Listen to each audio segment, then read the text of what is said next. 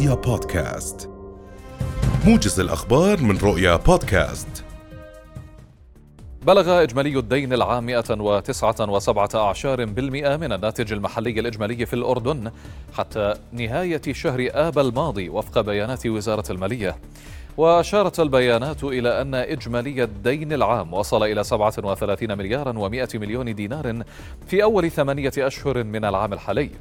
وارتفعت إيرادات ضريبة الدخل 381 مليون دينار لتصل إلى مليار و290 مليون دينار في ثمانية أشهر. دخل اليوم قرار وزارة التربية والتعليم بتعديل دوام المدارس حيز التنفيذ والذي يأتي بعد قرار الحكومة المتعلق بتثبيت العمل بالتوقيت الصيفي طوال العام. وسيتغير دوام المدارس اعتبارا من اليوم وحتى يوم الأحد الموافق للثاني من نيسان العام المقبل.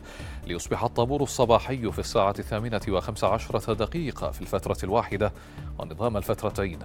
أما الطابور في الفترة المسائية فيبدأ الساعة الثانية عشرة وخمسين دقيقة. وفي سياق متصل وبعد قرار من البنك المركزي بدأ العمل اليوم بتعديل دوام البنوك المرخصة للتعامل مع الجمهور من الساعة التاسعة صباحا ويستمر حتى الثالثة والنصف بعد الظهر. وبموجب القرار تكون ساعات الدوام الرسمي للبنوك المرخصة من الساعة الثامنة والنصف صباحا وحتى الساعة الرابعة بعد الظهر. أكد مدير إدارة الامتحانات والاختبارات في وزارة التربية والتعليم محمد كنانة ألا تغيير على نمطية أسئلة الدورة التكميلية لامتحان تكميلية التوجيه إذ ستكون جميعها اختيارا من متعدد باستثناء اللغة العربية المشترك واللغة الإنجليزية والرياضيات حيث ستكون نسبة الأسئلة الإنشائية فيها من 40 إلى 50% ورجح كنان في حديث لأخبار السابعة اليوم أن يكون موعد امتحانات الدورة التكميلية القادمة. نهاية كانون الأول المقبل مبينا أن الإعلان عن الموعد النهائي سيتم خلال الأيام القادمة.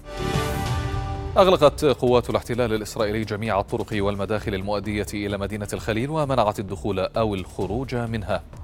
وعم الإضراب العام والشامل مدينة الخليل استجابة لدعوة حركة فتح إكراما للشهيد محمد الجعبري. والذي استشهد بعد أن نفذ عملية إطلاق نار على مجموعة من المستوطنين ما أدى إلى مقتل أحدهم وإصابة أربعة آخرين بالقرب من حاجز لجيش الاحتلال في منطقة وادي الغروس شرق الخليل.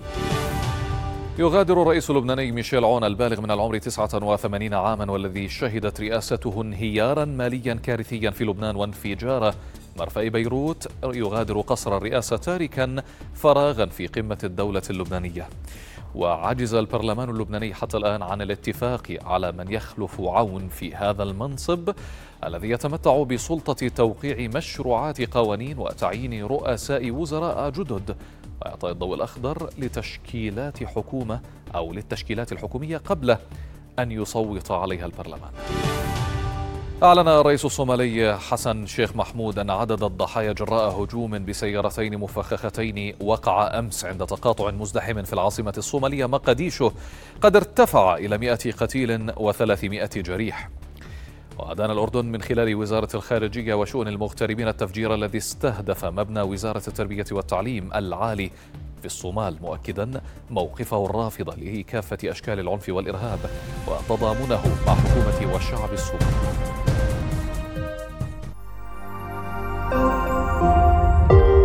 رؤيا بودكاست